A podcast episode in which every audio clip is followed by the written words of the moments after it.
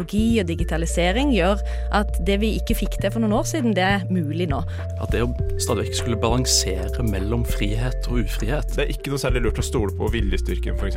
Kirkas demokratisystem. Opplysningen hver fredag fra klokken 10 til 11. Yes, det stemmer det. Opplysningen er programmet du hører på. Og eh, hva skal vi snakke om nå, Maren? Ja, vi skal snakke litt om eh, avhengighet, da. Så hvis eh, du sliter, i likhet med mange nordmenn, med å slutte å snuse, så er du ikke alene. Og da kan forhåpentligvis den saken her hjelpe deg litt på veien, da. Bruker du snus daglig? Og er du en som blir irritert, sint, får konsentrasjonsproblemer eller får hodepine hvis du ikke får din daglige snus, ja, da er sjansen for at du er avhengig av snus ganske stor. Men hvorfor blir man så avhengig, og er det egentlig farlig? Andelen nordmenn som snuser har økt drastisk de siste årene. I fjor snuste 14% av befolkningen daglig, sammenlignet med 6% kun ti år tidligere. Det viser tall fra Statistisk sentralbyrå. Når man snuser, tas nikotinen i snusen opp gjennom slimhinnene i munnen og fraktes med blodet opp til hjernen.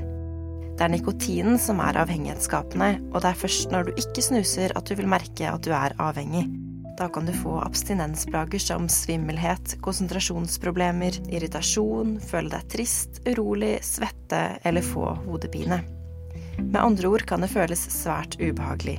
Likevel kan du trøste deg med at plagene vil gå over litt etter litt. Men hvor farlig er egentlig snus? Forskningen er litt delt. Ifølge Helsedirektoratet er ikke snus like helseskadelig som røyk, men det øker likevel risikoen for en del helseplager. Det øker risikoen for kreft, det påvirker hjertet, det kan øke risikoen for diabetes type 2, føre til vektøkning og problemer med tannkjøttet. Det er dermed flere grunner til å slutte med snus. Likevel er det mange som synes det er vanskelig. Mens noen klarer å slutte på første forsøk, er andre nødt til å prøve flere ganger. Den gode nyheten er at for hver gang du prøver, øker sjansene for å lykkes. De fleste som slutter, gjør det på egen hånd, men det finnes også andre som er nødt til å legge en plan for å slutte. Da kan det være et par ting som gjør det litt lettere. For de som synes det er ekstra vanskelig, kan det være lurt å planlegge en sluttdato litt frem i tid, f.eks. om to til fire uker. Det kan lønne seg å prøve å endre snusvanene frem til sluttdatoen, og da kan det være lurt å trappe ned på snusen litt etter litt. Og når sluttdatoen er kommet, er det på tide å slutte helt. Du vil nok få noen abstinensplager, men de er verst de første to til tre dagene, og er som regel borte innen de første to til fire ukene. For å lindre abstinensplagene kan det være lurt å drikke mer vann enn du vanligvis gjør, og være i fysisk aktivitet. Det finnes også apper og nikotinfrie midler som kan gjøre det enda lettere å slutte.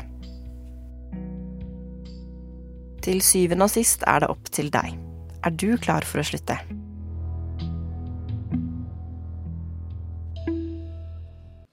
Dette innslaget var laget av Anna Lea Poppe.